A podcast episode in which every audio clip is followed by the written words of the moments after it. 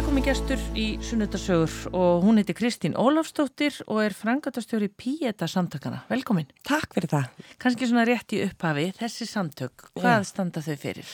Píeta samtökin eru í rauninni forvarnasamtök gegn sjálfsvígum og sjálfskaða og okkar sérstaði svo að við erum að veita meðferð eh, til þeirra Já. sem að eru að glíma við þessi vandamál og aðstandandi þeirra og all þjónustar að kostnaða lausu. Já, þetta er ekkit mjög gömul samtök. Nei, þau eru stopnið 2016 en eru búin að vera núna um ár í starfsemi og eru á þessu ári sannlega búin að sanna tilveru rétt sinn. Já, og geta bóðið hérna, þjónustu að kostnaða lausu vegna hvers? Auðvitað vegna styrtarsamfélagsins. Já. Það er ótrúlegt og þetta er eitt af því sem hafði þessi mest áhrif á mig þegar ég byrjaði að vinna aðna og fattaði að ég var með svona boð, boðgreislu í bankanum sem að kom alltaf bara þúsund krónur á mánuði. Og þegar ég áttaði mig á því að þessar þúsund krónur á mánuði voru búin að borga intöku viðtal fyrir manneski sem langaði ekki til að lifa þá var þetta einhvern veginn svona svo óbúslega sjónrænt og fór beint í hjartað á mér þegar ég fattaði hvað þessi peningu skipti miklu máli. Já. og velvildin sem við erum að fá er ótrúleg styrta samfélagið náttúrulega rekur okkur. Já. Þessi samtöku eru í eigu þjóðarinnar. Og er þetta semst einstaklingar og líka fyrirtæki? Já, þetta eru aðalega einstaklingar og svo eru náttúrulega þessi dásanlegu félags, félög sem eru út um allt. Oddfellow, Kívanis og hérna Lions og Rotary hafa reynst okkur alveg einstaklega vel. Já, margir aðrir. Já. Þetta er alveg ótrúlegt. Sko. Og meðal annars, þú veist, hafa starfsmannafélög verið að gefa okkur ágóða af í staðin fyrir páskaegg og eitthvað svona. Já, fallegt. Já, mjög. Já. Kristín, við ætlum að tala eins betur um samtökinu eftir og, og starfið sem það eru inni. En, en þú sjálf, hvar, hvar, hérna, hvaðan kemur þú? Ég er fætt í Hafnafyrði en alin upp í Garabæ. Já, gablarinn, enn eitt gablarinn. Þú mótt kalla þig gablara. Er það? Ef maður fæðist í Hafnafyrði. Ok, já. það sé bjökki. Já, ok, þá er ég gablara Garðabæja P. Já, mm þannig að þið flytti í Garðabænu. Hvernig ertu fætt? Ég er 72. Já, og er Garðabærin þá ekki ennþá svona sveppbær á þessum tíma? Ég upplifiði aldrei. Nei. Aldrei upplifiði Garðabæði þannig. Nei. Já. Var gaman að vera þarna? Ofsalega. Fallit umhverfi? Já, þetta var náttúrulega Ég held að gardaskóli hljóta hafa verið svolítið framúrstefnilegur á sínum tíma með það að þau voru að bjóða upp á valfög og, og svo náttúrulega eitthvað sem að má örgleik í dag, það var hraðferð, hægferð og miðferð eftir í hverju stóðst í hvaða fæi. Þannig að námið var svona svolítið áhugavert þótt að ég hafi verið örgla einn af uppáhaldsnefndum Gunnlaug skólastjóra á þeim tíma en Varst það hraðferðinni? Í sömu fögum en ég var rosalega óþekk sko já, það já. fór mjög mikið fyrir mér En samt í uppáhaldi á skólastjórunum? Já, en ég veit ekki hvort ég sé að segja uppáhaldi með gæsalöpum eða ekki Hann veit alltaf, vissi alveg vel hverðu varst Já, já, já, já, og við föðumst í dag já. Svona nánasta fjölskyldaðinn Hvernig er maður hún samsett og er? Ég er bara af þessu típiska íslenska munstri. Pappi minn hétt Ólaug Gunnarsson og var flugmaður uh, hjá loftleðum á sín tíma Já. og var rosa mikill gæi. Það var í Lúta og Stefán og Voða Sætur. Og hann er látin? Já, hann lést í fyrra. Hann lendi í bilslissi þegar ég er bara þryggjára og lamaðist og lifði öll þessi ár lamaður. Já, hérna. Já. Sem eru hvað, 40? 40, hver var talum, 44 ár. Já, hérna. Já, þannig að hann liði lengur lamaður heldur en ekki lamaður. Já. Ná, náður mannstu eftir ánum þegar hann var semst, áður en að lendir í slísum? Nei. Þú ert þryggjar og gömur? Nei. Nei, ekki neitt. Nei, þú þekkir ekkit annað? Nei. Nei. Hann er, og en mamma þig? Já, fyrir ekki, ekki. Mamma, hún er alveg einstök manneskja. Hún heiti Guðrún Freiriksdóttir og hún er frá Súðavík var handafinu í flataskóla í mörg ár ja. og mikil útivistakarpur og leikum við drottning og saumaklúpa drottning og í öllum klúpum sem hættir að komast í. Ja, algjör fyrirmynd? Já, hún er mjög góð fyrirmynd. Já. Og elstu upp einn hjá þeim eða? Um, nei, sko, pappi átti tvo sinni fyrir með hönnu, Brynildi, sem ég kalla skámömmu mína. Við erum mjög góða vinkunur og á með henni Jón og Stengrim sem er sérst hálfbræði mínir samfæra Já. og svo eignast mamma síðar mann, hann Guðjón Samálsson sem er hinn pappi minn og sem er þykir alveg undurvæntum og hefur reynst mér stórkusla. Þannig að þetta Kristín er rosalega samsett fjölskylda. Afskaplega Já. og svo eignast þau litla bróðum minn, hann Fridrik, sem er alveg frábær týpa. Hann er frumkvöld, bjóti prentagram á Íslandi og, og er núna með fíti væking, er búin að vera þurka lambakjöt og selja þessi djörki og ímislegt annað, rosalega skapandi og flottist rokkur. Já, og svo er rétt að það komið fram að Jón Ólafsson er bróðinn, okkar maður hérna á Rástföð. Já, einmitt, já. Sem að ég til dæmis vissi bara ekki fyrir við fórum að tala saman. Nei. Og svo stengri mér það Denni, eins og hann alltaf kallaður. Já. Báði svona þjóðþektir. Já. já. Ég er rosalega heppin með bræður af því ég fæ einhvern veginn allt. Denna finnst ég afburða klár, nonna finnst ég brjálæðislega skemmtileg já. og frikki kemur fram með mig eins og prinsessu, hjálpa mér með allt. Vákáttur Ég er að segja það, ég fæ alveg besta kombinásjónið af þessu öllu. Já, uh, áður við tökum aðeins svona skólagönguna, hvernig hérna, bara hvaða áhrif hafið það á þig að, að eiga svona, já, hvað þú segja, lamaðan föður, hann er lengi vel á heimilinu? Þetta er rosalega áhugaverð spurninga því að ég hef eiginlega ekkert spáð í þessu svona fyrir en ég verð miðaldra í rauninni. Í minningunni á ég mjög góða æsku. Ég er með svona minningar að sita á djúsvagninum á landsbytalanum og gefa allum kvöldkaffi og leggja upp í rúmi hjá okkur manni með engar hendur og horfa húsa á sléttunni og gefa honum vimber og eitthvað svona og þú veist og mér fannst þetta bara notalegt. Já, þú þekkti náttúrulega ekkit annað. Þekkti náttúrulega ekkit annað. En, en hvenar flytur hann svo heim til ykkar?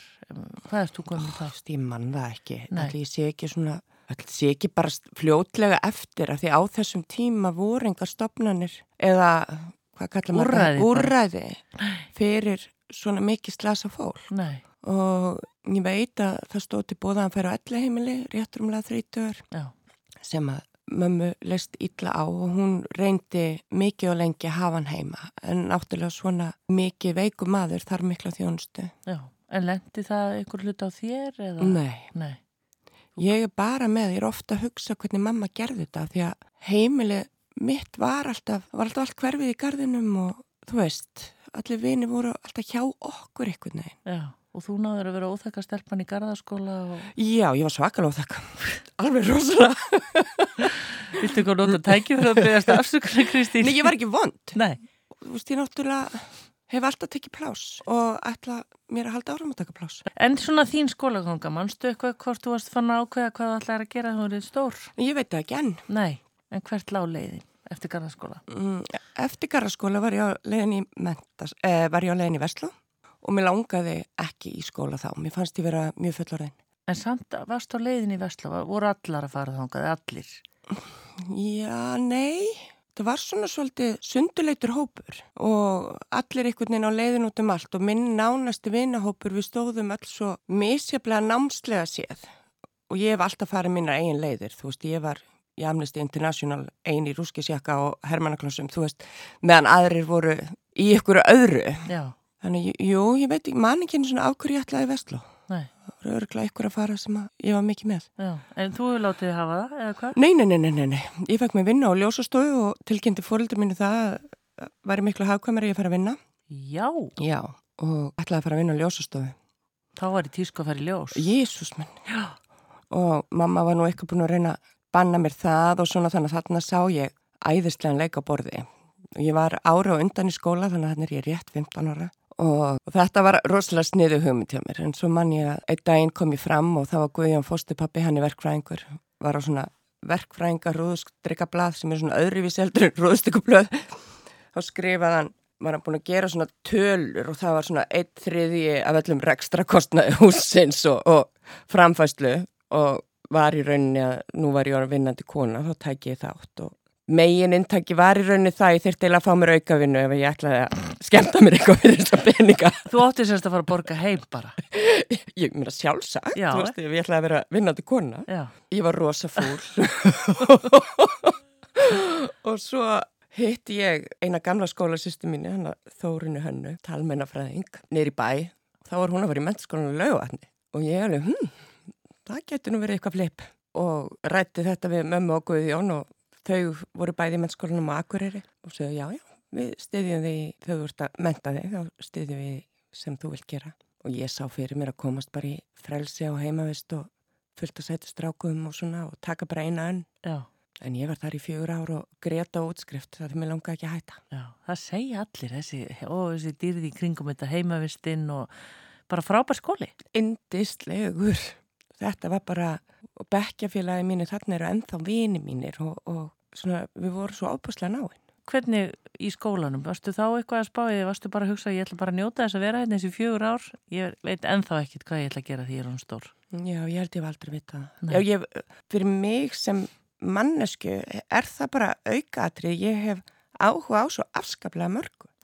Tókstu þá þátt í öllu hann í skólanum? Já, já, já, já, ég hef alltaf tekið þátt í öllu. Og þá teljum við upp leikfélagið, já, já, já, já, já, öll böllin og allt saman, já. já. Aðal manneskjan Kristín Ólafs. Ég get, veit það ekki hvort ég hef verið aðal manneskjan en ég allavega var allstar þar sem að fólk er já. og var. Og haldið þenn hópin? Ég, já. Já. Rábært. Þannig að þú ert að útskrifast hvað, 91? 91. Já. já. Þá náttúrulega þurfti ég að flippa og fór til Englands með tveimur vinkonum og allt í einu erum við komin til Luxemburg. Það er náttúrulega mjög stutt á milli. Stutt á milli. og vorum bara svona ætluðum eitthvað að ferðast og fá vinnur og eitthvað svona. En þarna er náttúrulega, eru við íslendingar ennþá ólögulegt vinnu. Já. Þannig að það var erfitt að fá vinnu. En af ykkurum völdum tróðs, tókst mér að koma mér í vinnu á okkurum börum og eitthvað svona og, og þurfa fela mig í kjallarónu með rússonum þegar löggan kom sko. Já. Já. Og Luxemburg, ég sko í minninguna því að það var alltaf flóið til Luxemburg hérna. Einmitt. Þá var, er ekki franska eða flæmska aðalmálið þannig? Það er luxemburgiska, franska og þíska. Já. Og ég öfundaði alltaf íslensku börnins voru alin upp aðna því þau töluðu sko fimm tungumál reybrennandi. Einmitt. Já. Já. Ótrúlega fallegt land. Þetta var rosalega gaman en ég held mig aðalega í kringum pöppin er í grund Já. og var eiginlega þar. Var eitthvað vesin aður, Kristín? Nei, ég myndi aldrei segja vesin. Nei. Það var gaman hjá mér. Já, bara lifðir lífinu. Já, og svo voru nú vinkonurnar farnar heim og mér langaði ekkert heim og það var strákur sem að rak bar þarna sem að endaði að bjóða mig vinnu og ég mætti bara búa í honum á meðan ég var að finna mér eitthvað annað og allavega endaði á að giftast þessum manni. Og, Já, já. og er hann frá, er hann frá Luxemburg? Nenni frá Nýjasjálandi. Já. Já. Og hvað gekk það lengi? Það var alveg heil lengi. Það hafi gerið 13, 14, 15 ár eitthvað svo leiðis. Já. Sem er mikið þegar við byrjum saman 19 ára. Einmitt. Og náður þú þá öllum fimm tungumálunum í Luxemburg? Ekki séns. Nei. Ég talaði bara einsku. Þú talaði bara einsku? Já. En hvað, varstu þá hérna að vinna á barnum þessi ári eða varstu... Nei, við vorum bara hérna í tvö ár, já. Þá var ég að vinna á barnum og ég var að vinna við barnagjæslu og ég var að vinna í ameríska skólanum, svona eftirskólaklub og ímislegt sem ég var að gera. Já. Alltaf að gera eitthvað. En hvert fóruð þið svo eftir tvö ár? Komum til Íslands. Já, hann hefur samþýgt það. Já. Og fóruð að gera hvað? Mér, ég fór að vinna á leikskóla, leikskólum efsta hérna í Kópói og ákvað þá að ég ætla aldrei að börn og hann fór að vinna ykkur byggingavinnu eða eitthvað Já. og svo fórum við bæði út til Englands og fórum bæði í ná. Já. Og þá í hvað? Uh, hann fór í svona viðskipt og fjármálafræði og ég svona markas og viðskiptfræði. Já. Og bygguðu þar í einhvern tíma? Já, já, já, við vorum í England alveg til 2000. Já, já. lengi. Já. Og ennþá gift þá? Jú, jú, jú. Já.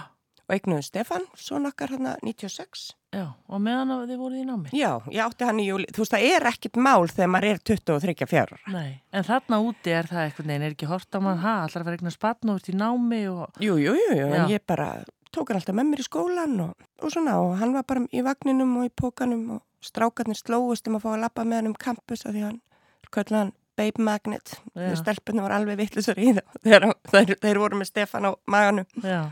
En hvað hérna, hvar var þetta í Englandi? Það er York, Já. Norður, norður England, já, og er það, eru svona hlýjar tilfinningar þegar þú hugsaðar til þess staðar? alveg indislegu tími. Hvernig umhverfið er þar?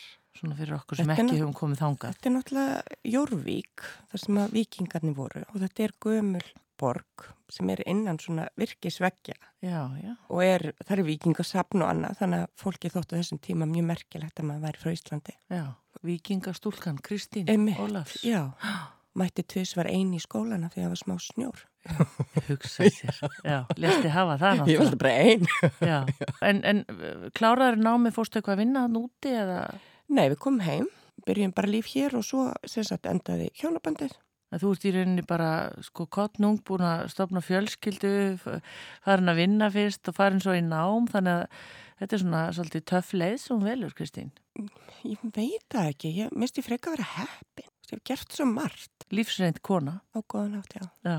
Þið komið hérna heim, eh, hjónabandinu líkur já. og fer hann þá aftur út eða? Já. Já. Hvernig var svo að vera einstæðmóðir eins og sagtir? Eða, já.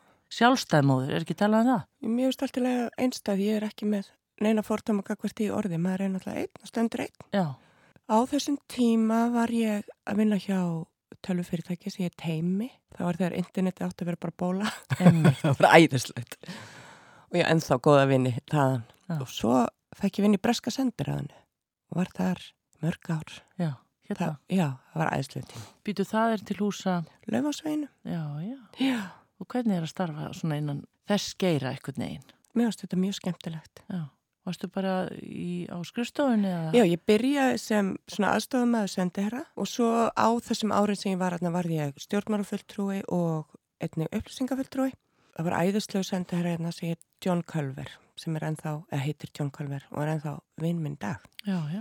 og hann hérna, því hafði alltaf svo mikið áhuga á mannréttendamálum og við vorum alltaf að skoða mikið þáttöku Íslas í mannréttendasáttmála saminu þegar hann á svo frammeins Þannig ég fekk launalist leifi til að fara út í LLM nám í mannúðalögfræði Já LLL Það er masterskráða í lögfræði Já, já, já Og hvert fórstu þá? Þá fór ég til Lancaster sem er í norður Englandi líka og ég og Stefan fórum bara tvö og Valgjörður, frænka mín sem var bara nýbúið með tíundabæk kom og var með okkur hann og hjálpaði já, hjálpaði með stefa litla og var sjálf í skóla já. En akkur hafður svona mikið áhuga á mannréttamálum? Ég hef alltaf haft það Já, bara einhvern veginn í blóðborið? Já, ég held Já. Ég hef alltaf verið svona Og hvernig var þetta ná? Það var mér mjög erfitt bara að læra lögfræði. Já. Mér, mér finnst lögfræði erfið. Þú veist að læra bara allan sólaringin? Mm, nei, en ég lærði mjög mikið. Já. Og, og hvað voru þið annað lengi úti? Vorum úti í ár. Já. Og þá kemur Kristín heim. Þá kemur Kristín heim, helt áfram í sendiræðinu. Já. Og svo fljótlega upp úr því er ég fengið til að kenna ennsku við háskóluna Bifröst í það sem ég heit frumgrændelt þá. Var líka að kenna nokkra kursa, ég syns laga ennsku, það var bóðið upp á hana í lagadeldinni. Hildið að byrja þar. Elskaði háskólan að bifröst og þá var Rönnólfur rektor. Já, bjóstu þá þar eða kerðir? Nei, ég bara kerði. Já. Og allavega þá býður Rönnólfur mér að taka við stöðu alþjóðaföldtrúa líka við háskólan að bifröst.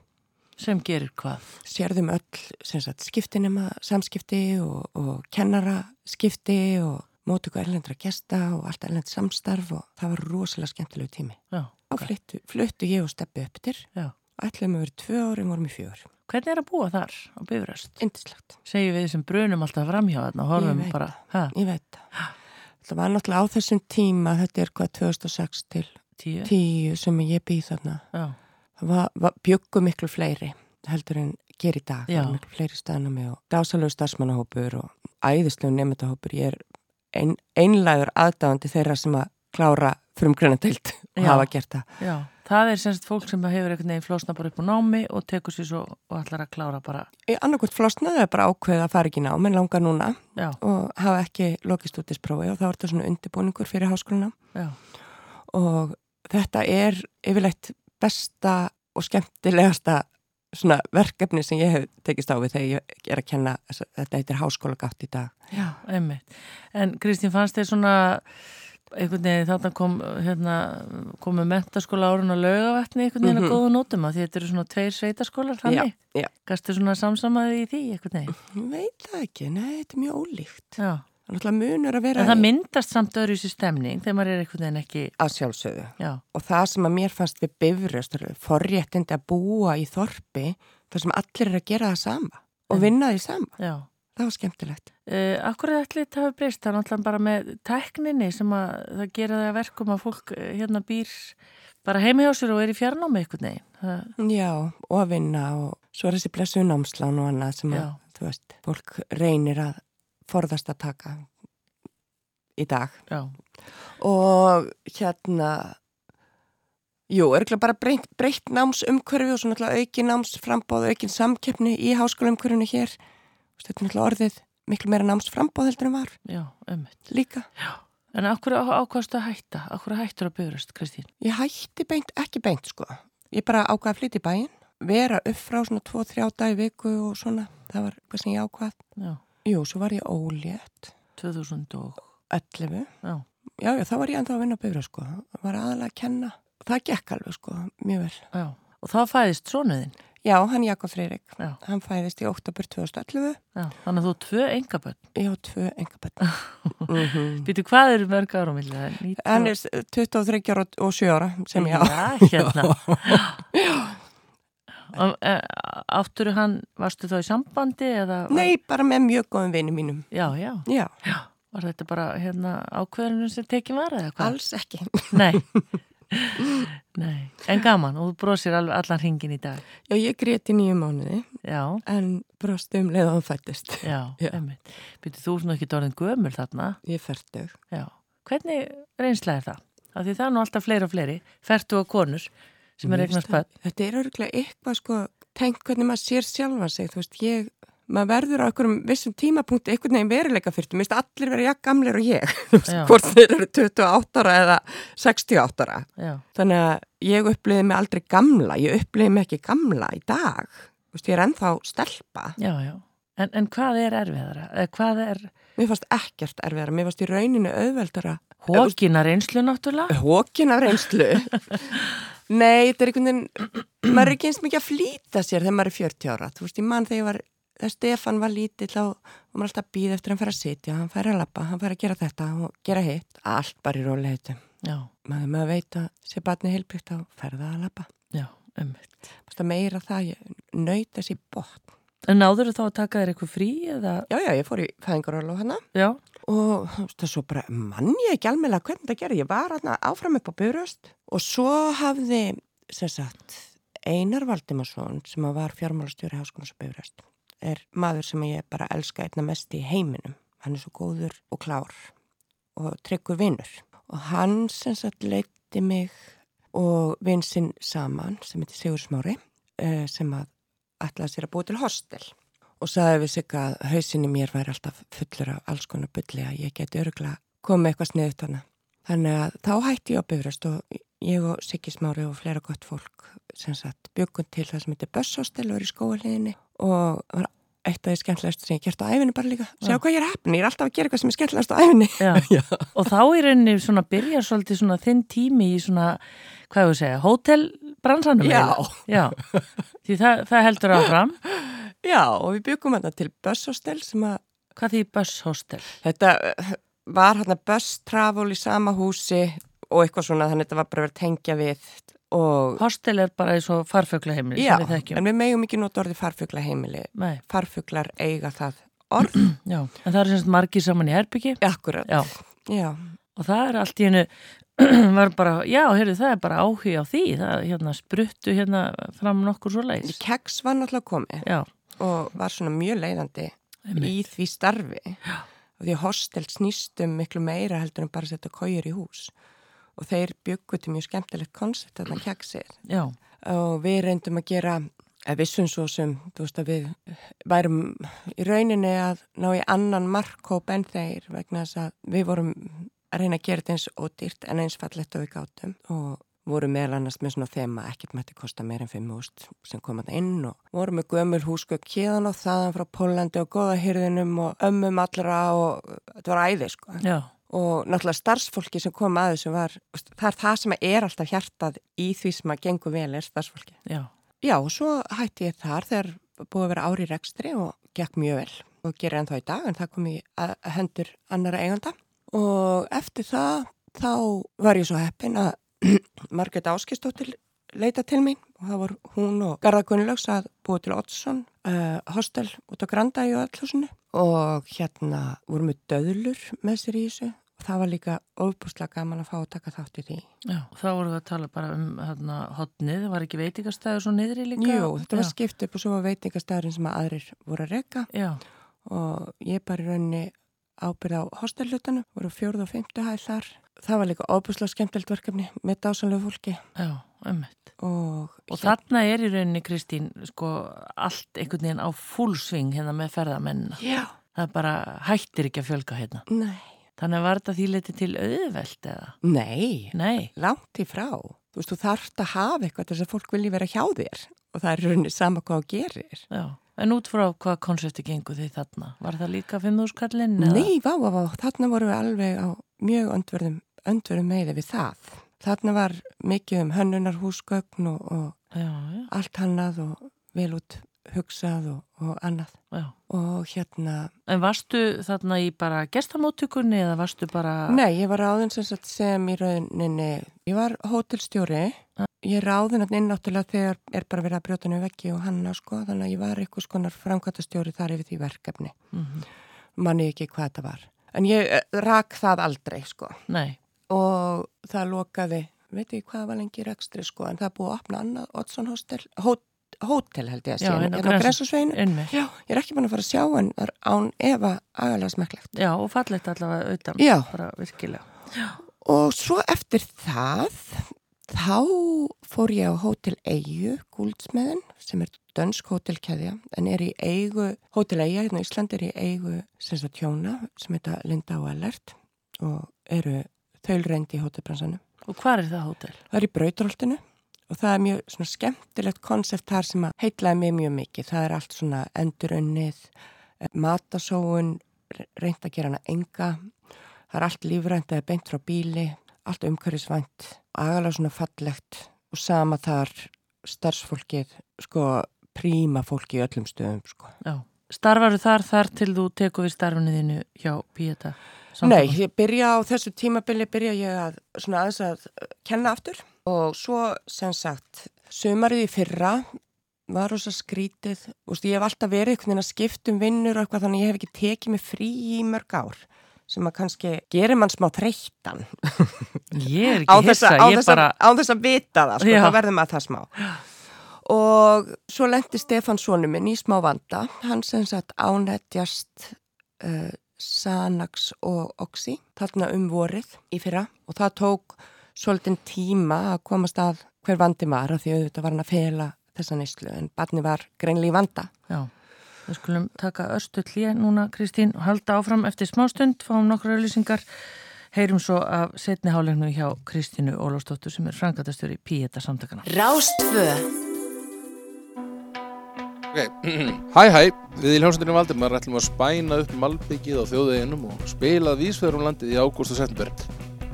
Næsta stopp er á Paddís í Keflavík, fyrstu daginn 7. september og skýrgerðinni og skýrgerðinni hveragerði, lögadaginn 7. september.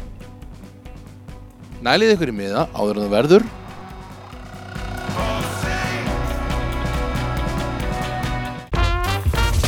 Bílafjármögnun Arjónbanka er góður endir á bílasölurúndinum. Með rafrænu bílasamningunum getur þið gengið frá málinu á staðnum hvenar sem er. Arjónbanki. Þægilegri bankaþjónusta fyrir alla. Bílaapotekið hæðasmára býður upp á síða lúur. Þú far lifin beint í bílinn, hratt og fyrirhafnalust. Opið alla daga frá klukkan 10 til 23. Livjavall. I went to the local Welsh language school and I spent my weekend with my pet goat. Your goat? Yeah. Velska tónlistarkonan Kate LeBon sem eitti helgum æskunnar heima í sveitinni með geitinni sinni og er með tónleika í hljómahöllin í Reykjanesbæ 9. september verður á línunni í Rocklandi í dag. Við ætlum líka að tala um Nick Cave. Rástfö. Þú ert að hlusta á sunnudagsögur á Rástfö. Kristín Ólafsdóttir, frangatustöru Píeta samtökana er gestu minn og við vorum komin á, eða við ætlum að byrja semst setni hluta viðtalsins á, hvað ég var að segja, síðastliðinu vori, Kristín eins og byrjaði að segja okkur frá aðan, að þá áttar þú þig á því að sonuðin Stefán er komin á okkur svona, já, aðeins út af brautinni. Já, hann er bara komin í bölvarögl. Já, hvernig, hvernig uppgötum það slíkt? Þú veist, ég held, ég er náttúrulega með sterkar skoðanir á þessum málum og þær þurfa ekki að vera réttar. Það er þín skoðun. Þetta er mín skoðun. Um, ég trúi því að kannabisnisla ungra drengja sé það sem að er að stuðla að mikillu mannlegan, miklu brottfalli úr skólum og svo frammeins. Uh, Stefan byrjaði að fykta við kannabis og þá gerði ég bara það sem að fjöldi, fjöldi, fjöldi fóreldri er að gera í dag. Það er að leiti í vössum og leiti í þessu og láta pissa og röfland út í eitt og horfandi á, í raunin horfi á hann flosn upp úr skóla. Já. Hvað eru að tala þarna um hvenar er þetta? Hvað er hann gammal? 17, 17, 18 og, og samt það rátt fyrir all, allt þetta sem þú gerir að það virkar það ekki? Nei, því miður og eins og hann segir í dag sko, markasetningin á kannabis er stór hættuleg af því að þetta er markasett og við fullorna fólk erum að taka þátt í þessu með því að blast út um allt löglegum kannabis, löglegum kannabis. Það er enginn sem ég þekki sem að er góður og virkur samfélagstegn sem að er kannabis neitandi og þá er ég að tala um mannesku, dagreikingamannesku sem reykjur oft á dag. Nei. Þú átt er auðvitað með að vakna. Það tekur framkvæmda gleði frá þér. Fólk verður dofið. Þú ert ekkit að taka þátt í lífinu ef þú ert alltaf freðin. Nei. Þetta segir sér bara sjálft. Þótt ég segi þetta, ef þú ert með krabbamein eða Parkinson eða eitthvað annað, ég skal reyna að finna þetta fyrir þig og ég skal bara horfa á því reykja þetta. Mér er sama þar. Fullari manneskja sem er að glýma við eitthvað sjúkdóm, það er bara eitthvað allt annað mál. En börnin okkar, þarna verðu við að mínu mati að gera eitthvað. Já.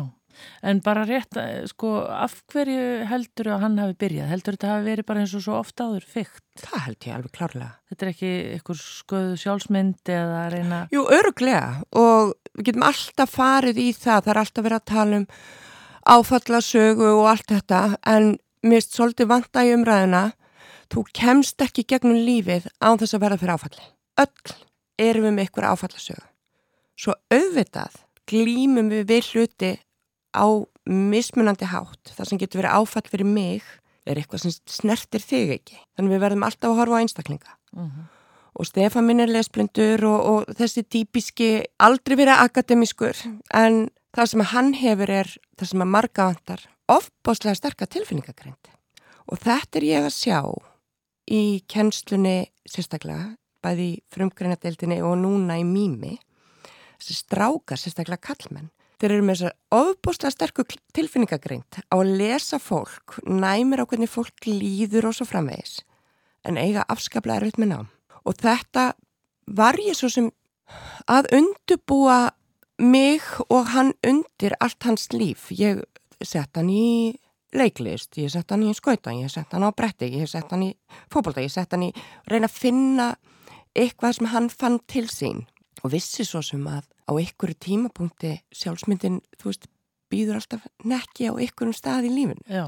En núna, bara eftir að horfa það sem að mitt nánasta fólk og aðri sem á að tala við hann er að upplifa, þetta er ekkit bara lesblindikrakkar eða aðdeglistbrestur eða börn einstæra fóreldra eða börnum sem engið ekki væntum. Þetta er algjörlega óháð þessu. Já. Hvort að fólk viljast velja að prófa. En hvernig fannst þér bara að upplifa það að þú einhvern veginn, einhvern veginn það eru engin, eða þú bara, það, þú, þú fannst ekki út úr því hvernig þið ætti að koma hérna honum til hjálpar? Mm -hmm. Hvað, bara, maður getur svona ímynda sér hvernig það er fyrir fóreldra. Þetta er ræðilegt sko. Og þetta er það sem að þúsundur manna bara hér á landi er að glýma við núna. Það er þessar áökjur. Þegar maður er opinn um þetta þá heyrir maður meira þá kemur alltaf, já hann batti svona hann að bjargar, hann er einmitt í þessu núna. Æ, þú veist, Já. það kemur alltaf. Varstu lokuð? Alls ekki. Þú varst opinn? Já, og...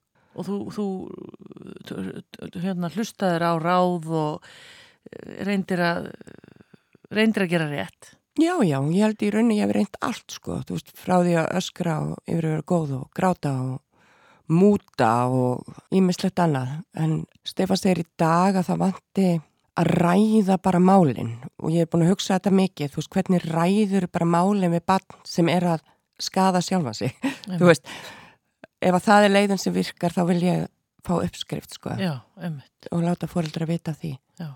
En svo líða einhver ár þarna og hann er í þessar kannabisneislur þar til að hann fyrir að taka eitthvað sterkara. Hann flyttur út frá mér, sko, fyrir að lega með vinum sínum eða vini sínum. Og þá einhvern veginn, eftir á, þú veist, þá veit maður að það er eitthvað að en einhvern veginn trúði ég því eða sannfæri sjálfa maður að hann væri bara trekkaði aðeins svo mikið bjór og partíið aðeins svo mikið Já. en hérna En hvernig er uppkvitaður það? Það var eitthvað meira Það var í rauninni að vinur hans ringdi í mig og saði mér nú þurfti ég að koma að sækja hann þeir vildi ekki búa lengur með hann og ég og alveg bara lamaðist sko og þá ringir akkurat Helen vinkona mín og ég fyrir bara að gráta og segja sér fyrir að sækja hann. Og hún segir þú ert ekki að fara einn, ég er að koma. Og þarna eru við snemma morguns stöldlunar hún í hliðbaraböksum og high heels og ég brjóstaldarlausi joggings og finna eitthvað greni á hverjuskutinni sem ég fannst þetta að viðbjöða sko. og þarna lág hann. Og við fórum með hann heim og svo kom þetta bara vinit, hann þrætt alltaf en eins og ég saði við vinans sko nú verði að tala stráka sko, vinir kæfta frá. Og ég pantaði, eða Helen pantaði tíma fyrir hann eða innlögn á vogi sem að honum fannst vera fáranlegasta hugmynd í heimi.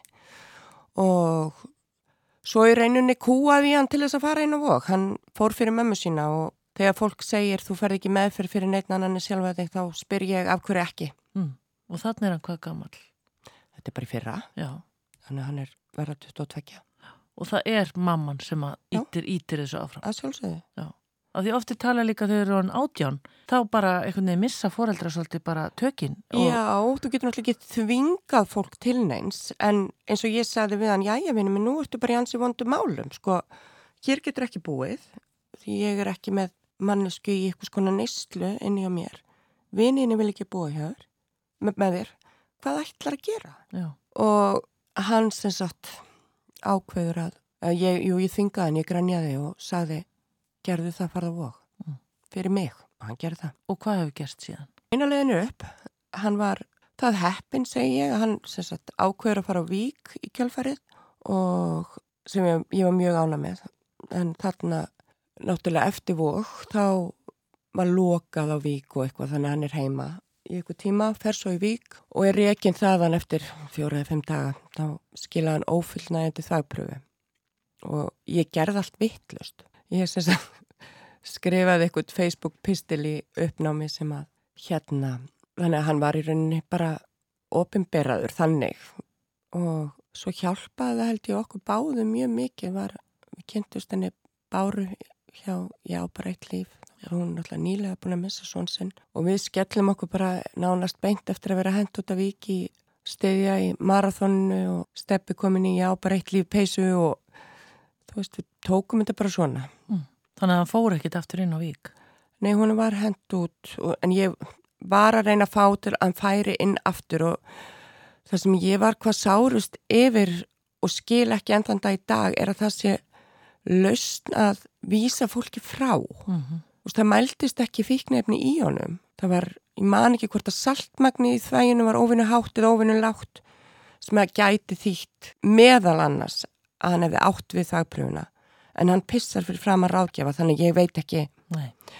Og þetta er á þessum tíma sem að Bára og Kó eru, að ég vil meina þau eiga það algjörlega að vekja aðtikli á þessu misnótkun á þessum livjum. Að hérna það er byrjað sko þegar í mann og voru komin ykkur tíu andlit sem tengdust þessari herrferð ég á bara eitt líf herrferð Einmitt. og þarna var ég með mögulega allefta andlitið. Og ég er að segja þú veist ég fekk tækifært að grípa barnið mitt. Já. það feng, fá það ekkit allir. Og það að vísa frá er ennþann dag í dag eitthvað sem ég skil ekki og er ekki tilbúin að viðukenna sem eitthvað sem er líklegt til að skila árangri. Já, Hvaða áhrif hefur þetta haft á þig og ykkur fjölskylduna? Þú talar um þetta hérna núna í útvarpinu, þú talar um þetta á Facebook, það er engin lindamál, þú vilt opna þessu umræði. en hvað hva hefur þetta breytt ykkur og þér? Já, mjög mikið. Og haft meiri áhrifum á mig mjög, mögulega heldur en maður gerir sig grein fyrir. En samt sem aður kynnt mig fyrir dásalögu fólki, steppi minn er komin aftur og við erum nánari við höfum alltaf verið náinn, nánari núna. Um, hann er í, í góðum málum. Þið talið um þetta, talið um tilfinningar? Já, já, já, en það sem ég vil og ef að fólk lendir í þessu ekki vera að fela þetta. Þú veist, það er mjög oft ég er mjög oft spurðið út í þetta og þetta er aðalega, þú veist, vir, virðast vera foreldra drengja, svona 16 ára og upp, út af kannabisinu og fólk er eitthvað pugrast með þetta. Ekki að tala um þetta í vinahopnum og ekki við ömmu afa og ekki þetta Ég er bara ef að barnið þitt er í einhverju svona, talaðu um þetta. Ég heyrði af einum sem að tóku orðin mín mjög bókstallega og sögðu þegar einhverju gesti kom í heimsókn. Já, okkur liði mjög vel, við vorum komið bústað, nonni er á kafi kannabis og siggar að byrja á íþróttanámskeiði. Já. Nonni fór náttúrulega bara í massa flækju og var alveg brjálaður og svar fóreldrana var, býtu þú ert að velja að gera þetta? Þetta er bara það sem stendur hæst í okkar lífi núna. Mm. Við erum ekki fara að fela þetta. Og ég var einstaklega stolt af þessum fóröldrum og bara ekki gefast upp á. Viðukenna þetta. Fólk verðist vera að fara að viðukenna að þessi kannabis neistla sé svo sem allt í lagi. Hún er ekki í. Nei. Kristín Ólafsdóttir, hvernig komu Píeta samtökin til þín eða hvernig komst þú til þeirra? Og þetta var æðislegt. Ég var stött í Valenþía og fekk símtal og þá já Kristín, góðan dag, Benedikt heiti ég og ringi frá Píeta samtökunum og ég bara, held þetta væri ykkur símasölum, já, hvað? Sæki í tlaðir. Já, ég er hérna á flugvelli. Já, veldi ég ringi síðar. Nú, hvað er þetta?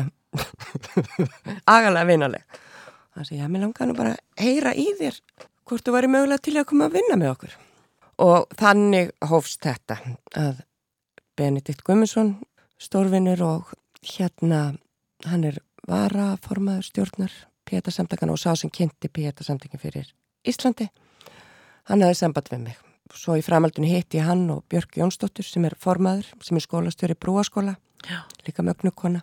Og við hittust nokkur sinnum og svona mátuðum okkur við hvort annað og mig sem mannesku við samtökin og það enda með því að þau, sem sagt, Sannfæraði um að koma til þeirra. já og, og við bara einhvern veginn ákveðum að okkar leiðir lægi saman. Já, en menna, þú með auðvitað alla þessa reynslu sem þú er búin að segja okkur hérna í viðtalinu, búin að fást við svo margt og ólík störf og svona, þetta er kannski bara mjög ólíkt öllum þeim störfum en reynslan þín um, með Stefáni til dæmis, tengist þessu kannski óbein? Ég er náttúrulega er framkvæmdastjóri. Það sem betur fer er mjög gott fagfólk sem starfar þarna. Já, Við erum með stórkostlegt heimi sem er, sem sagt, Edda Ardal geð, geðhjóknarfræðingur hefur stýrt sem fórstöðum aður og erum með stórkostlega félagsrákjafa, sálfræðinga og geðhjóknarfræðinga sem sinna meðferðinni, faglega starfinu. já, Og ég kem því hverginari, nei. já, En, sem en, margir hugsa núna sem betur fer. já, en kannski hugsar þú Kristín, ég menna þú hefur verið í neyð þó að sé kannski öðruvísi neyð. Mm. Það er kannski þannig að maður er svona samsami sem er fólki sem líður illa. Já, við erum það öll, við höfum öll verið í neyð. Já. Og þetta snýst ekkert í rauninu um að samsvara sem er fólki sem líður illa. Þetta snýst um það að það sé til úrræði, það sé til lausn. Fólk viti að það sé von og það sem að er svona grunnurinn í pétarsamtökunum er þessi mannúð og það sem að mér sem á, aðal áhrifin sem þetta hafði á mig sem mannesku var náttúrulega við vitum að sjálfsvíks hugsanir geta verið afleiðing einhvers konar neyslu. Þau geta verið fylgifiskur einhvers konar greinda geðsugduma en það er tímið til komin að við vöknum og við kynum það að þetta á bara alls ekki við í lang flestum tilfellum. Þessar hugsanir geta ásótt mig þig, gumma í sjóppunni, bjöss á bílnum, alla. Og það þarf, fólk þarf að vita að það er til von. Já, Svo erum við líka að reyna að sinna aðstandendum vegna þess að ímyndið er að búa með mannesku eða besti vinnuðinn eða vinnufélagi vill ekki lifa. Þetta er svakalegur ótt. Þannig að aðstandendur geta líka leitið til okkar. já, Og þú þarft ekki að hafa mist. Þú getur bara verið hrættur. Það er mjög mikilvægt að fólk viti að það sé löst. En ef maður manni grunar að einhver nákom manni sé í þessum hugsunum en hafi kannski ekki talað um það, Mm. er einhver svona merki sem að fólk getur einhvern veginn átt að segja á? Þetta er miljón dólarar spurningin og það er oft talað um mörg merki sem að fólk kveikir á eftir á og þá er oft talað um að fólk byrjar til dæmis að gefa eigur sínar eða verður ofurrest eða eitthvað svona. En í guðanabænum þá held ég að það sé ekki gott veganesti að tort, vera hrættur um alla Nei, en ef að þú óttast um líf einhvers endilega ringdu til okkar, mótökur aðgjafarnir okkar eru stórkoslegt fólk við erum með Ólöfu, við erum með Stein við erum með Guðnýju, þetta er svo góðar mannverur og þau vita og þekkja sitt fag og þau geta le leitið áfram já, emmitt. Án þess að þú sért einhver sérfræðingur í þessu með sjálfsvíin, en hvað eru aftur margir á Íslandi á ári sem að fremja sjálfsvíin? Já, við erum örglega að tala um að minnst okkur steina mannskja viku núna. Já, er það tala sem að er bara svo sama eða hvernig? Nei, þetta er náttúrulega mjög erfitt að gefa út tölur í, í svona mála því að mörg til dæmis lefi að tengt andlát og svona eru flokku sem sliðs eða eitthvað annað. Þannig að það er mjög erfitt að hérna negla þetta niður en það eru, hafa verið gerðað ímsa rannsóknir og meðlan að samnorran rannsókn sem að við getum svona svolítið ímynda okkur þetta sé svolítið talan sem við erum að vinna með núna Já, einn á viku sem fer, sem fer. Já. Já. og við verðum að hafa í huga að á bakvið þessi þessa tölu 52 eru 52 nöfn Já, einmitt og þegar ég horfa á tölfræðina hjá Péta samtökunum og svo sér í ágústi fyrra vorum við minn 36 skjólstæðinga nú er þeir hátt í 200 bara út af opinu umræðu og bara því að við náðu þetta fólk eða þau hafa leitað til ykkar við náttúrulega náum ekki fólk, fólk leitar til okkar en ég held að þetta síni bara þess að tölur síni þörfina Já. og ég er glöð gæsalapir yfir því að fólk skuli vera að leita til okkar og er þakklátt fyrir það. Já, ummitt. Er þetta barningur samtökina því þú segir allt þetta góða fólk sem er að styrkja ykkur og þessi félags, hérna, félagsamtök og, og einhver fyrirtæki og svona, er þetta barningur samt að halda þessu gangandi? Ég myndi ekki velja það orð en við erum náttúrulega upp á aðra komin og þetta er úrslega skrítið náttúrulega annað rekstrar umhverfveldur en ég hef nokk tíma kynst. Við erum í lánshúsnæði sem að Alma leigufélag lánar okkur hugsaður, það er alveg dásalegt. Já. Það er orðið allt og lítið. Við getum ekki synt það mörgum skjólstæðingum, við erum ekki með vinnu aðstöðu, við erum ekki með plás. Þannig að það liggur mjög mikið á að við finnum húsnaði sem getur hýst okkur í fremtíðinni. Mm. Um, svo er það náttúrulega við erum með nokkra fjáröfluna viðbyrðu ári sem að hjálpa okkur eins og bara hlaupið núna og takk til allra sem tóku þátt og, og, og styrtu. Já, og svo er það hún veiga okkar Gretas sem var fyrst hvenna til að róa rángsalis í kringum Íslands og kajak. Já. það var söfnin í kringum hana. Takk veiga. Við erum með tvær göngur á ári sem að uh, eru ómetanlegar. Við erum með stuðningshópa sem að Sýra Bjarni Karls og Þórið Djáknileiða og við ætlum að vera með fleiri núna um, það er ímislegt en barningur Mér langar bara að trúa að þessi samtök lifi af því það er þörf fyrir þau. Uh -huh. uh, Kópásbær styrt okkur um þrjáru miljónir einsinni. Uh, Reykjavíkuborg hefur gefið okkur smá styrk, velferðaráðnitið, borgarlaun, forstöðumans. Þannig að það er, við erum að njóta velveldar en auðvita þurfum við öryggi eins og allir aðrir. Já, og þetta er náttúrulega skrítin bransi þegar þú ert ekki að selja vöru og það er engin hagnaður eða möguleikja auka tekjur þannig að sé. Nei. En þetta er fallegu bransi og þessi samtök eru kraftverk. Já. Og það eru þetta hagnaðurinn. Ég veit það. Já. Þannig ég trúi bara Já. að þetta komi til okkar. Já. Kristín, sko með að við lífslöfðitt sem er svo ótrúlega eitthvað flókið, þú trúur ekki sjálf það er bara, ha, finnst þér það merkilegt og svona, hvernig sér þið fyrir þér nú ertu svona nálgast svona helmingin eða svona hálnuð á lífsleðinni allar að, allar að hérna ekkert að ákveða hvað verður í framtíðin allar að bara að reyna að njóta hvers dags eða hvað? Já, ég ger það Já. ég veil aldrei ákveðin eitt svona afgerandi og Þú ert að kenna eins með þessu? Já, ég er að kenna í mými og ég er að kenna á Bifröst sem er indislegt. Já, það finnst þið skemmtilegt. Alveg dásanlegt. Og svo er ég náttúrulega í PETA sem er, ég er bara einhvern veginn alltaf að gera allt sem ég finnst skemmtilegt. Ég er bara mjög heppin. Já, hvaða áhugamál hefur þið? Hvað? Það er aðalega fólk. Já. Ég er mjög mikið í því. Og svo hef ég náttúrulega verið í þessum mann, mannréttinda bransa svolítið.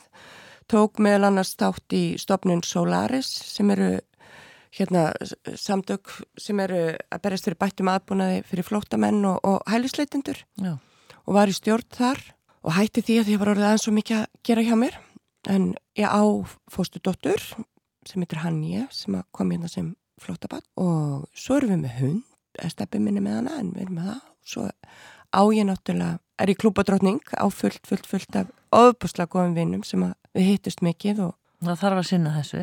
Já, þetta er bara það sem nærir lífið. Já. og ég fæ allavega orku frá fólki og samtölum og samveru Já. og svo les ég alveg óhemju mikið þannig að þetta er svona mín aðal áhugamál Já. mér langar, nei, nei, mér langar ekki einu svona til þess að langa að fara að hjóla eða á fjöll eða eitthvað en svona skaman að dansa og, og svona Einmitt.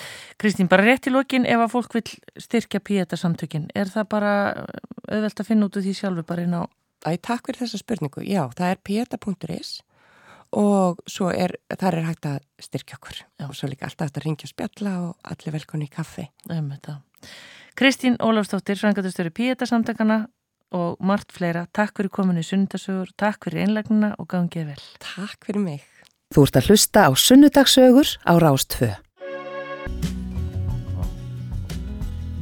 Sunnudasögum er Gunnlaugur Bræi Björnsson sem að, já, ég veit ekki hvort að Riki er að setjast en, en hérna það var svo mikið að gera hjá þeir í kringum sko hins egin daga, þú varst fram, framkvæmtastjóri, er það ekki, þeirra hátíðar? Formaður hins einda. Já, formaður, já. Þannig að ég ákvað bara býða þannig til að, hérna, eins og ég segja, aðeins svona líður hjá, en velkomin. Takk fyrir.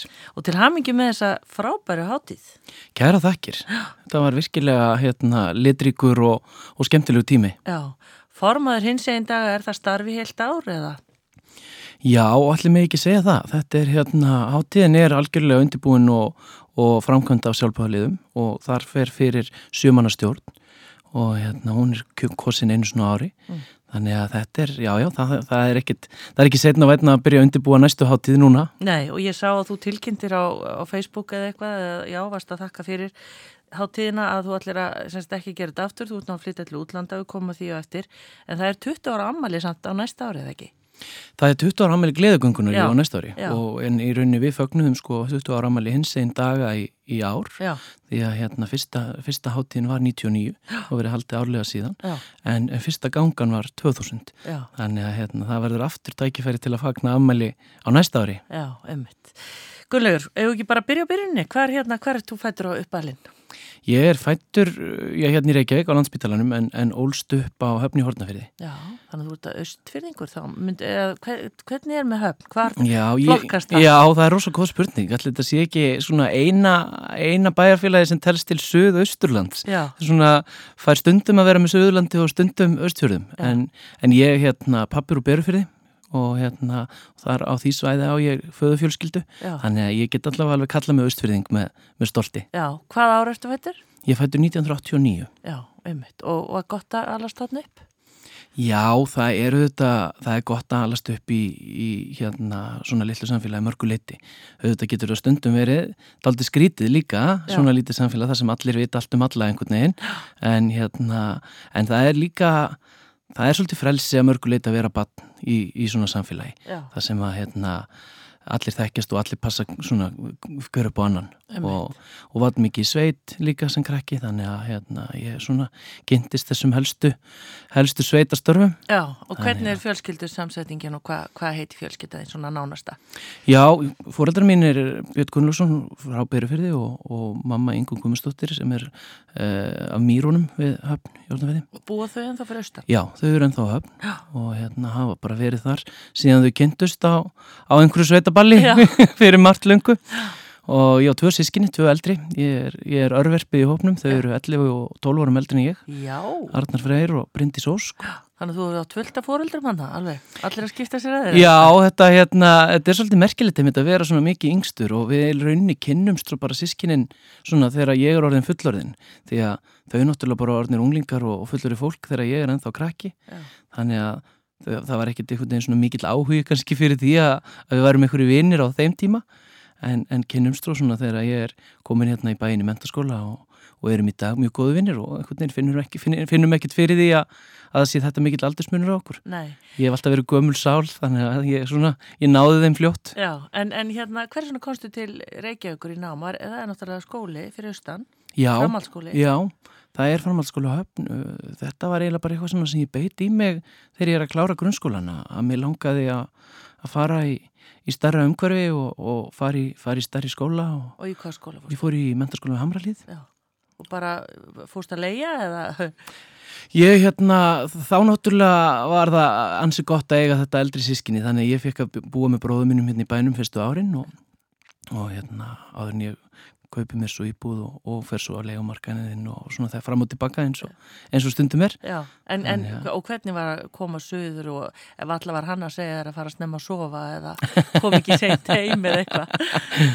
Nei, hann var nú svo sem ekki, ekki mikið í því þó hann hafi nú alveg passað, passað upp á mig. Þetta var auðvitað mér fannst þetta þetta hefði oft komið til Reykjavíkur og, og eins og maður, þú veist, eins og fólk á landsbyðinni gerir, en, en þetta var þetta var alltaf mögnu tilfinning svona þegar fóreldrarinn mínur voru búin að keira mig hinga með dótið mitt og brunuðu svo stað aftur austur og, og stóði einhvern veginn svona einn fótum í, í þessari ofbústlegu stórborg sem mér fannst Reykjavík vera á þeim tímapunkti. Einhvern veginn, ég eiginlega vissi ekki alveg hvernig ætti að haga mér bara. Nei. en svo var maður nú svona fljótur og átt að segja á því að þetta er ekki, þetta er ekki einn stór borg og, og ég held maður að fann að þekkja fólk og, og rata á, á ansi stuttum tíma. Já, en, en hérna til dæmis svona heimilistörfin, eldamennskan og þrifin og svona, gekk þetta vel hjá okkur bræðurum? Já, já, það gerði það. Við, hérna, við höfum nú kannski ekki fengið einn verðlun fyrir hérna framtagsemi í, í eldhúsinu en, en, en þetta gekk hjá okkur. Já. Já, já. Stundu bara gott að bara vera hend út í djúbulauðina bara. Já, ég held það. Ég held að hérna mér fannst ég sko á þessum tíma fannst mér náttúrulega alveg orðin óskaplega fullorðin. Og, hérna, og strax bara kannski 14-15 fannst mér ég alveg bara ofbúslega fullorðin.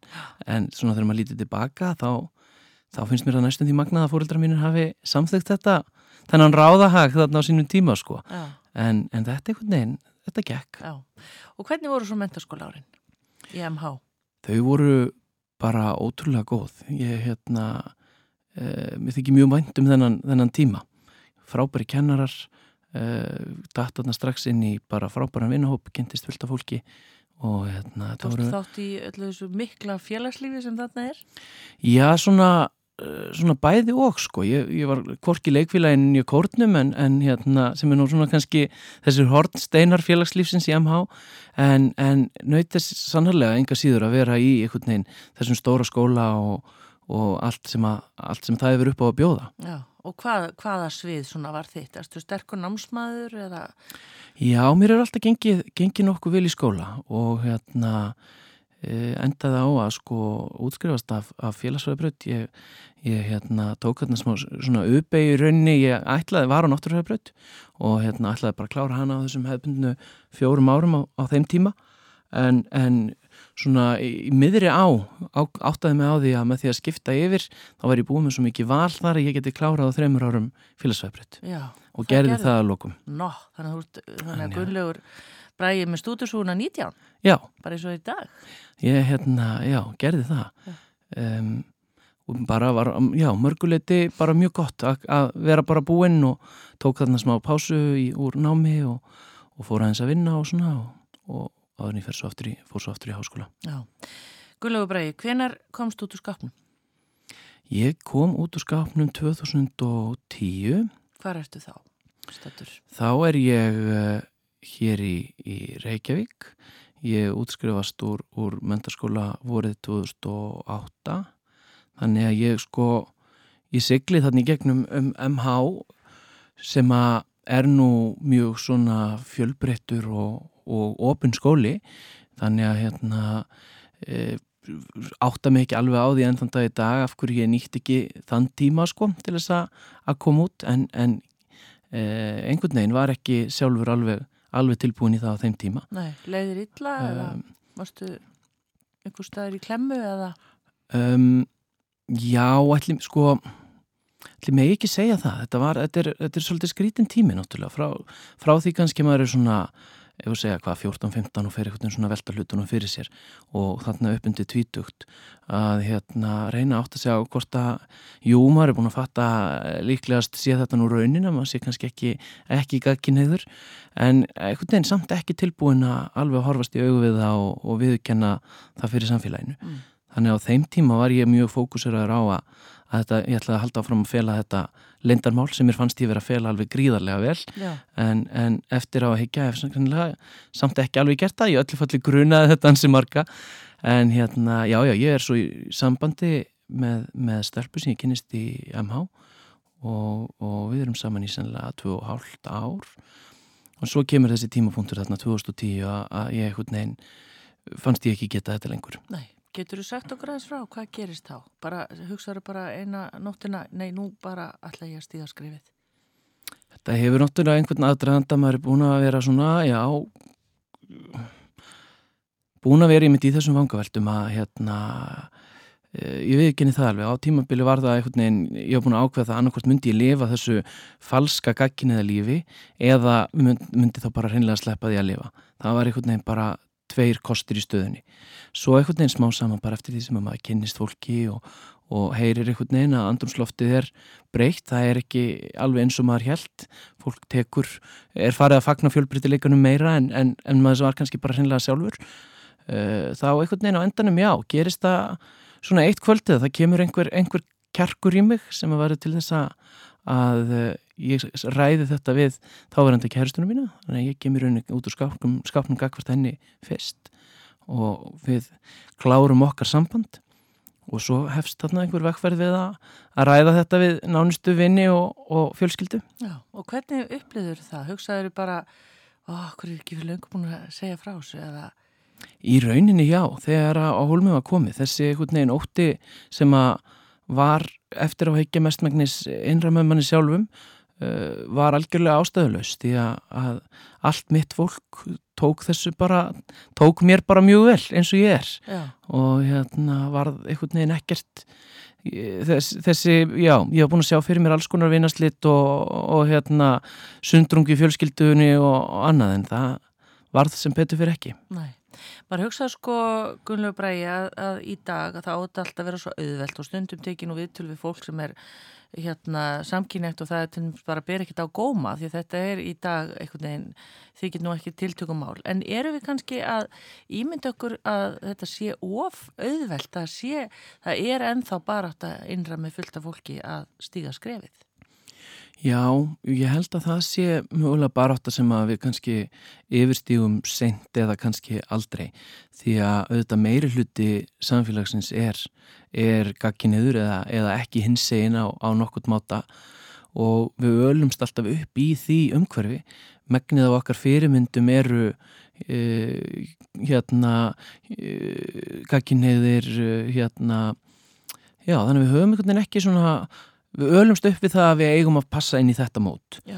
Uh, þannig að það mun sennilega alltaf verða einhver, einhver barátt auðvitað blessunulega sérmaður að það eru líka bara margir uh, unglingar sem átt að segja á þessu bara strax mjög ungir og koma út úr skapnum með sinn hins einleika bara mjög snemma og bara er aldrei neitt vandamál en mögulega svona eftir því sem við býðum lengur og, og, og svona uh, skáphurðin verður, verður einhvern veginn þykkari þá verður þetta alltaf svolítið erfiðar að bara það að stíða þetta skref uh mhm. -huh. en það sýnir kannski hvað sam, þá breyting á samfélaginu að þegar við loksins opnum hurðina og leifum okkur að vera við sjálf þá held ég nú blessunulega uh, sé lang flestum vel tekið Já. þó að auðvitað heyrum við ennþá sögur af, af fjölskyldu sem að ekki tilbúin að taka, taka sínu fólki eins og það er Nei en það hefur sannlega breyst mikið á, á síðust árum og áratugum. Já, en hvað breytist hjá þér? Þannig ertu bara byrja í Reykjavík, þú ert, ertu þannig að byrjaður í skóla eða ert að vinna eða? Þannig er ég sko í rauninni, já þannig er ég byrjaður í, í háskóla, uh, fór þannig að fór í sálfræði á þessum tíma. Það var stundum verið grínast með að, að fólk var í, í sálfræði af tveimur ástæðum, það er annarkvært til að hjálpa sjálfu sér eða til að hjálpa öðrum. Ætli, ætli ég hafi ekki verið þarna til að hjálpa sjálfu mér. Ég hérna, kem út úr skápnum og og hætti framhaldin í sálfræðinni eftir, eftir fyrsta árið og, og já, það er kannski svona fyrsta breytingin eftir, eftir að ég kem út. Áttur það bara á náminu að þetta væri ekki fyrir þig eða var þetta eitthvað?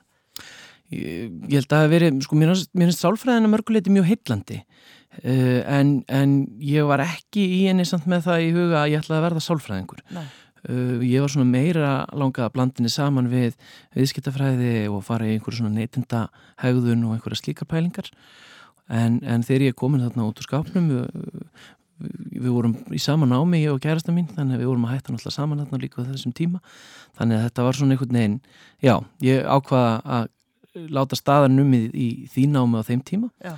og svona einbytta mér að hérna þessu nýja lífi mínu sem að allt í einu plasti við mér þarna. Uh, var, var svolítið svona eins og belja á voru kannski, einhvern veginn uh, bara, já, allt eitthvað svo opbústlega bjart og fallegt og, og mann langaði að, að faðmallan heiminn. Og einhvern veginn bara í, í rauninni kannski er maður að læra þá þarna upp úr tvítu hluti sem að fólk var annars að læra bara einhvern veginn miklu fyrr þegar það er að, þú veist, ég veit ekki, fara, fara á fyrsta stefnumótið og fyrsti kossin og, og einhverju svona hlutin. Maður er svolítið að endur upplifa það sem maður sjálfur. Já, einmitt, þannig að þú varst rosalega hafmyggjusamur ungu maður. Já, algjörlega, þetta, þetta sömar þarna, ég kem út af voru þetta sömar, ég sé það ennþá í alveg sko einhverjum ofbúrslegum hérna bjarma. Já, einmitt, en þetta er nú kannski svona ekki, hvað ég vil segja, stór hópur á Íslandi, er, er þetta ekki samt svona... Nei, þetta er auðvitað, sko, já, hópur inn, lítill hópur innan lítils, lítils hérna, lands, þannig að hérna, maður, það leiði ekkert á lungu þar til að maður var fann að þekkja hansi marga í, í þessu hins eginn samfélagi. Og hérna, stundaði á þeim tíma Barburu sem var þá eini, eini hins eginn skemmtistæðurinn, stundaði hana ansi reglulega þetta sumar og, og já, kynntist mörg og góðu fólki og þetta var svona, þetta var, já, þetta var mjög skemmtilegu tími. Já, auðvitað. Maður er svona, maður er svolítið, mér líður stundum eins og maður sé orðin svona hálf gamalt kall þegar maður horfið tilbaka og, og það var allt eitthvað svo, það var allt betra og fallegra og skemmtilegra þetta sumar. Já, en samt bara fættu 1989. Já, já, já. já. En hvenar tókstu það ákvörðinu, nei, ég, hérna, ég get nú ekki verið í þessu djami endalust, ég verið að fara og halda fram í skóla. Hvenar kom það, verið þig?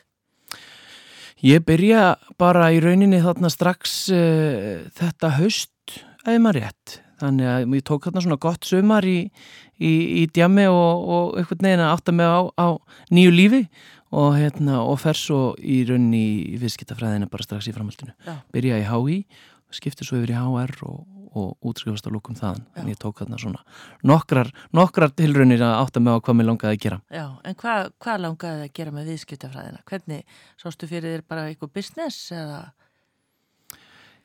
Um, ætli ég hafi ekki ég var nú svolítið að horfa í það bara að hún er, hún er svo fjölbreytt hún opnar, uh, opnar á svo margar leiðir um, mér er lengi heitlast af já til dæmis þessum, þessu samspilin náttúrulega við sálfræðina, neytindahegðun og annað í þeimdur, mannuðsmál uh, upplýsingamilun og samskipti hafa lengi heitla mig líka.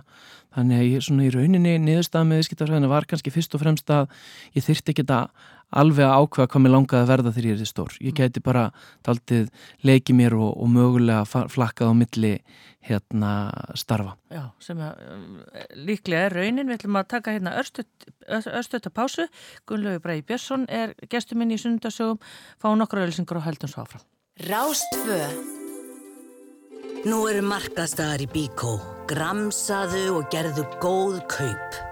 Bíkó Sunnudagsögur með Rafnildi Haldórs til klukkan þrjú í dag. Gestuminn í sunnudagsögum er Gunnlaugur Bræi Björnsson, formaður hins einn dag, var það ekki titillin? Jú, Já. það er vist. Hérna, uh, þú útskrifast semst úr viðskiptafræði við Háskólanir Reykjavík Já. og hvað, hvert láð þá leiðin? Uh, síðasta, sko, sumarið fyrir síðasta árið mitt í viðskiptafræðinni byrjaði ég hjá Arjónbanka, uh, fór þar, fekk þar vinnu í þjónustuveri og þjónustur ákjæði og það var einhvern veginn svona mér fannst ég eiginlega ekki geta orðið viðskiptafræðingur nema með því allavega snerta aðeins á, á bankastarðsemi og þetta átti bara að verða þetta eina sömar og þá get ég bara svona hakað í það í, fyrirskráni að ég væri búin að prófa að vinna í banka. Já, er þetta ekki, þetta er eftir hrunni náttúrulega? Já, Já, þetta er þarna 2013. Já, var ekki þetta erfitt að vinna í banka þá? Svona, já, þeir eru kannski að ná svona Já, þannig er komin aftur svona ágættis, ágættis dampur og, og það vantar alltaf fólk í sömarstörf og, og hérna, fólk verður vist að fá sömafrí og, og einhver þarf að halda þjónustunum gangandi. Þannig að hérna, ég fer þarinn. Og ég átti ekki mikið eftir í náminu, ég átti nú eftir nokkra kursa og svo rítgerina þannig að eftir sömari var mér búin vinna áfram sem ég tók og kláraði síðast árið í viðskiptafræðinni með vinnu og svo bara einhvern veginn líður tímin og ég er hér Arjónbanka ég þanga til í fyrra. Já, og fóst í margar deildir og svona þróaðist í starfi. Já, það, og það er sannlega ástæðan fyrir því að, hérna, að ég er þetta lengi. Að það er einhvern veginn uh, ég var aldrei mjög lengi í því sama. Mér bauðst alltaf að, að fara í eitthvað annað. Fer þarna úr þjónustuverinu yfir í, í já svona sérfræðingstöðu í kannski, hvað ég var að segja, vöru og, og þjónustustýringu, er í að innleiða alls konar nýjar vörur og ný kerfi, e, fer svo yfir í að, að þróa nýjar vörur og fæ að vera með í svona þessari stafrænu bylgu sem er, er þar komin á, á fullt þróa nýjar hérna, stafrænar þjónustulegðir og síðasta árið er ég svo á áskrifstofu bankastjóra í, í upplýsingamöðlun og, og samskiptum sem er nú það sem ég á endanum svona sérhæfi mig í viðskiptafræðinni og skrifa mína lokaritgerðum. Já, einmitt. Uh, var það ekki svolítið svona töf að vera á skrifstofu bankastjórars? Jú, það þetta, hérna, fyrir utan að hljóma náttúrulega mjög töf, þá, hérna, þá var það mjög skemmtilegt. Það er hérna gaman að vera svona daldið í ringiðunni þar sem að hlutinir er að gerast og ákvarðanir eru teknar og, og mjög fjölbreytt starf sem að ég fekk þar, bæði í samskiptum við, við fjölmiðla og og svona í innri, innri samskiptum líka því að náttúrulega stóru fyrirtæki þarf að huga því að, að upplýsingar sé að komast til, til fólks sem að vinnur hjá fyrirtækinu. Uh, þannig var ég líka í verkefni störu samfélagsábyrðar og, og var að leiða áfram ímis uh, góð verkefni sem að bankin hefur verið að sinna á, á því sviði. Og, og svona tengmarkasmálum viðburðahaldi og annað. Þetta var mjög spennandi og, og fjölbreytt. Já, en þú hættir Já, það, hérna, það er alltaf eitthvað sem að, hérna, kemur alltaf upp eitthvað nýtt og uh, í aðranda borgarstjórnarkostningana í, í fyrra var mér hérna já, svona var farið að íta á mig og endanum var mér bóðið að taka sæti á, á, á lista viðristnar í, í borginni. Háður þú þá verið í í einhverju svona pólitísku starfi eða?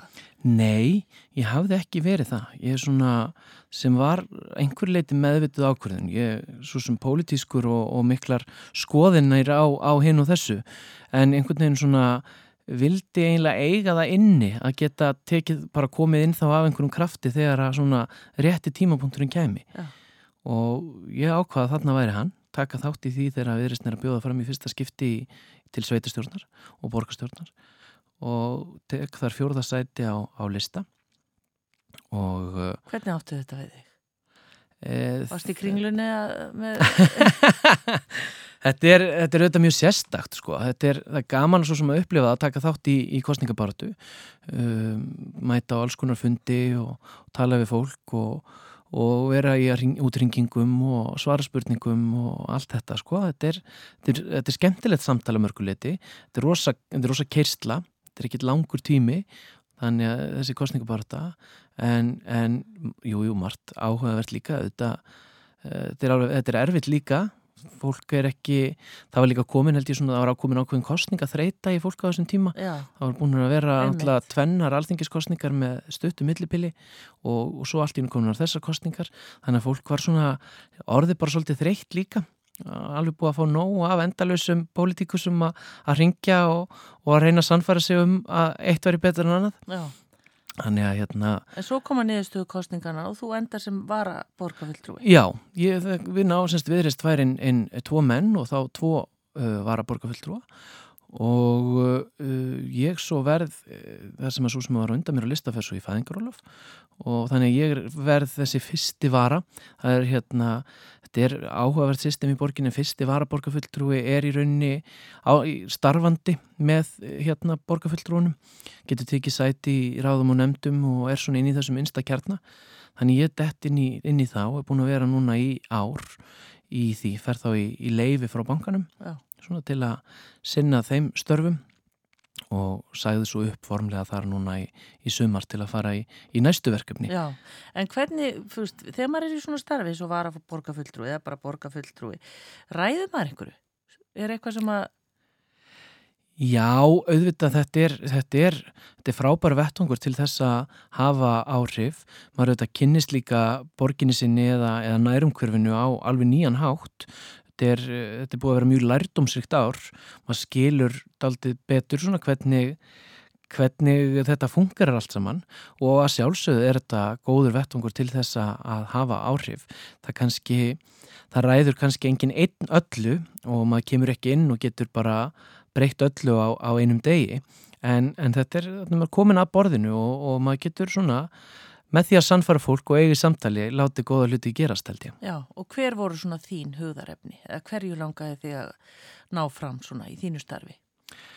Ég, auðvitað, maður, ég get ekki neita því að maður kemur auðvitað svolítið inn með þennan vingil að hérna uh, úr bara þessu svona grasrótar hins eginn starfi að hérna huga betur að bara mannréttinda og, og jafnréttismálum uh, þau hafa svo sem borginni verið hugleikin lengi borgin er búin að vera lengi með mjög framsýna og góða mannréttindastefnu og, og annað í þeim dúr og hér er borginni starfandi mjög öllu mannréttindaskrifstofa en hérna það er svona mann langar að taka þátt í að allavega viðhalda því og halda áfram að stíga góð skref þar að borgin okkar sé fyrir, fyrir okkur öll. Og, uh, og það skiptir líka bara held í máli í sko stjórnmálunum eins og bara öllu öðru, það er þetta með þessa fyrirmyndir og hins eginn fólk hefur ekki gegnum tíðan að verið sínilegt til dæmis í stjórnmálum, það er bara uh, mjög fáheirt Já. og hérna endur speiklar enga veginn það hlutvall sem að ætti að vera ef allt væri Eh, eðlilegt. Já, lengi vel var það bara Jóhanna? Já, hún hérna, já, já, minna, hún er náttúrulega, já, kemur, er, er á þeirra og fyrsti náttúrulega hérna samkynniði fórsetis á þeirra hér og, og, og bara annar staðar, náttúrulega bara í heiminum. Eh, svo erum við með annan ráð þeirra núna en, en kemur náttúrulega aðeins aðra leið, kemur ekki úr þessu pólitíska, þessum pólitíska barningi og, og svo erum við með einn ofinberlega hins einn þingmann í dag. Já. En heldur að þetta sé, heldur að þetta sé bara einhver tilviljun eða bara, hvað hva veldur þessu? Að það sé ekki fleiri? Um, það er rosa góð spurning. Ég held að við sem bara horfa á að við eigum inni þarna ákveðna vinnu bara sambarilega því sem hefur átt í stað undanfæran ár með að reyna að jafna hlut kynjana. Þú veist, lengi vel voru þetta bara kallar, nú eru orðin fjölbreytni hvað var það kyn, en, en það er einhvern veginn ennþá ákveðin einslitni í, í þessu og það er líka í viðskiptalífinu við sjáum náttúrulega forstjórar fyrirtækja í kaupöld eru bara kallar. Já. þannig að þar vantar sko bæði konur og hérna hins eginn fólk. Þannig að við eigum bara eftir að, að ráðast á ymsa múra. Já, ummitt En hvað allir því að þú tókst að þér að vera formaður hins eginn daga? Þetta er ekkit smá verkefni. Nei, þetta er, hérna, þetta er verkefni og, og uh, virkilega og þetta bara heiður að fá að sita í þessu sæti og vinna með öllu því frábæra fólki sem aðháttíðinni kemur. Um, ég uh, ég er að vera gert grína mér svona í fjölskyldinu ég næ eiginlega ekki að fara á húsfund í fjölbilshúsi á þess að vera óvart komin í stjórn. Ég er svona svolítið svo týpa. Þannig að hérna, þegar ég kem út úr skápnum þá fer ég í, strax á staði í félagslífi fer ég hins eginn kórin uh, fer þar í stjórn. Í framhaldinu fer, er ég vettur yfir í samtökjum 78 og sest þar í stjórn og þegar ég hætti þar þá einhvern veginn svona datt ég inn í, í hinsenda og, og tek sæti þar í stjórn sem gjaldkeri.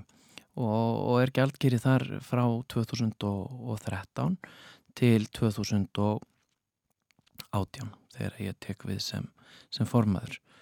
Um, Og er þetta, hvað er þetta mikið starf eins og þetta Yeah. að vera fórmaður, ég menna, varstu, þú varst var að borga fulltrúa með hann eða hvað?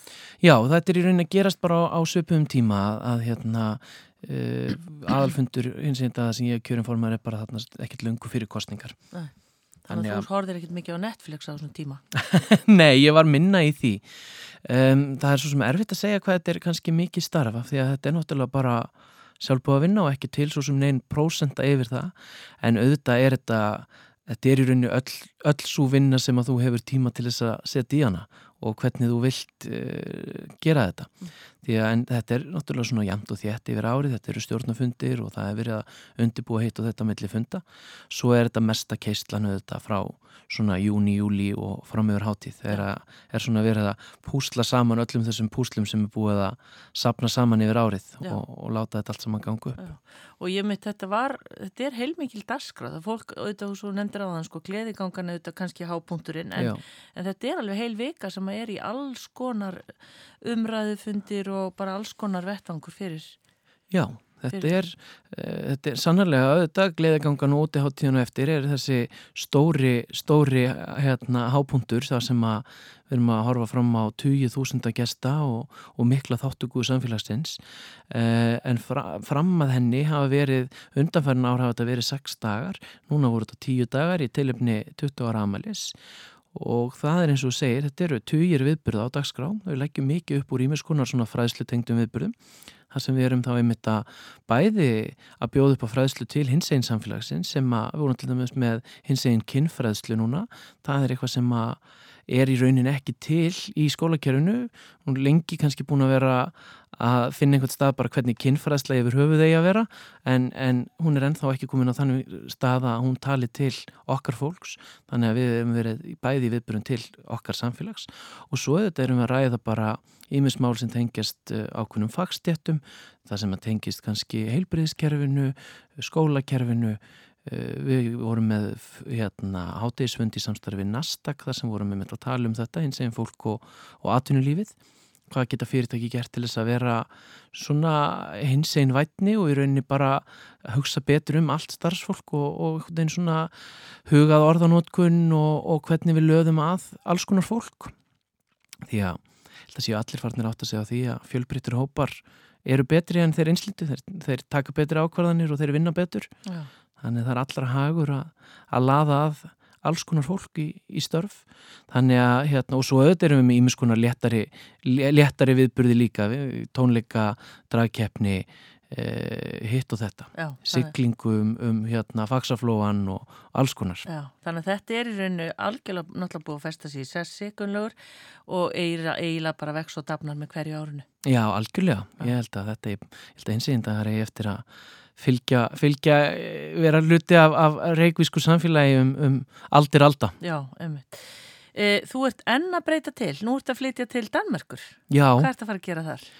Ég er að fara í meistaranám, ætlar að búin að vera á leiðinni í bæði nám og að prófa að búa Erlendis í, í mörg ár. Eh, ætlaði mér mér að segja bara á sínum tíma að fara eiginlega bara út strax til mentaskóla svo einhvern veginn kem ég þarna út um skápnum og festist í alls konar félagsstarfi og, og fer að vinna í banka og hitt og þetta þannig að maður er einhvern veginn svona já, festist ef svo maður segja en, en sannarlega búin að vera skemmtilega ár og sé ekki eftir neinu hvað það var þar þannig að nú er einhvern veginn svona tíminn kominn, það er aftur þarna, breytingar í, í borginni þannig að ég er raun að klára þetta ármitt sem, sem fyrsti vara og færist á aftur neðar og, og auðvelda að gera breytingar í kringum það Já. og kærastinn minn er búin að vera í námi núna úti í, í ár Já, hver er hann? Hann heitir Ati Hanninen uh, finskur. Hvar kynntumst þið? Við kynntumst í Helsingi. Ég var á kóramóti, hins einn kóramóti þar og uh, hérna með hins einn kórnum. Og við bara, hann var nú ekki í neinum kór þarna sjálfur en, en tengdist inn í hérna finskan kór sem var þarna á þessu móti og voru gestgjafar þarna og við bara, já, kynntumst þarna á dansgólfinu á svona lokaparti eftir þetta mót. Já. Og er hann semst í leiklistanámi í Danmörku? Já, á þeim tíma er hann bara sagt, eh, búsettur í, í Helsingi uh, og er þar að vinna mentaður kokkur og hefur verið að vinna svona í, í þeim geira en, en alltaf líka verið í alls konar eh, leiklistarverkefnum og dansverkefnum og, og annað, mjög, mjög listrætt í, í því uh, hann kemur svo hérna, við vorum hérna að fljúa fram og tilbaka og hann tekur svo ákvörðunum að flytja hingað og bjó hérna e, svona síðasta ára að mestu leiti en kemst svo inn í, í skóla sem hann langaði mikið í Kaupmannhöfn og fór þangað síðasta höst Já.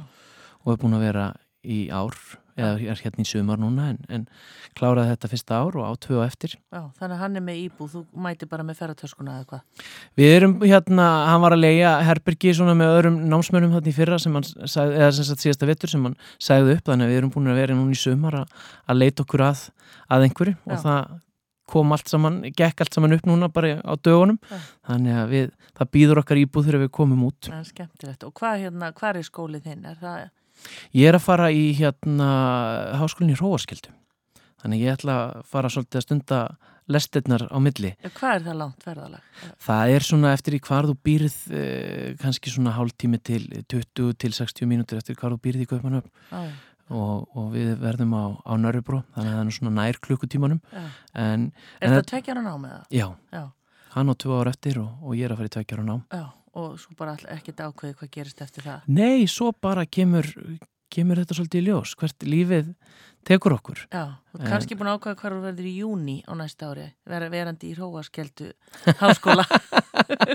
Nú sé, já, við sjáum til hvort það sé kannski komin, komin loksins að því að ég hérna upplifi, upplifi það festival. Já. aldrei að vita, kannan hvort það sé einhver námsmann afslattur En hérna, gaman að þessu, þannig að Gunnlaugur, það er eiginlega svona í gegnum hérna, lífið, að því við erum búin að skauta hérna yfir lífið að það er svona never a dull moment, þetta er eiginlega bara, það er rosa mikið að gera hjá þér alltaf. Já, það hefur einhvern veginn svona já, raðast þannig.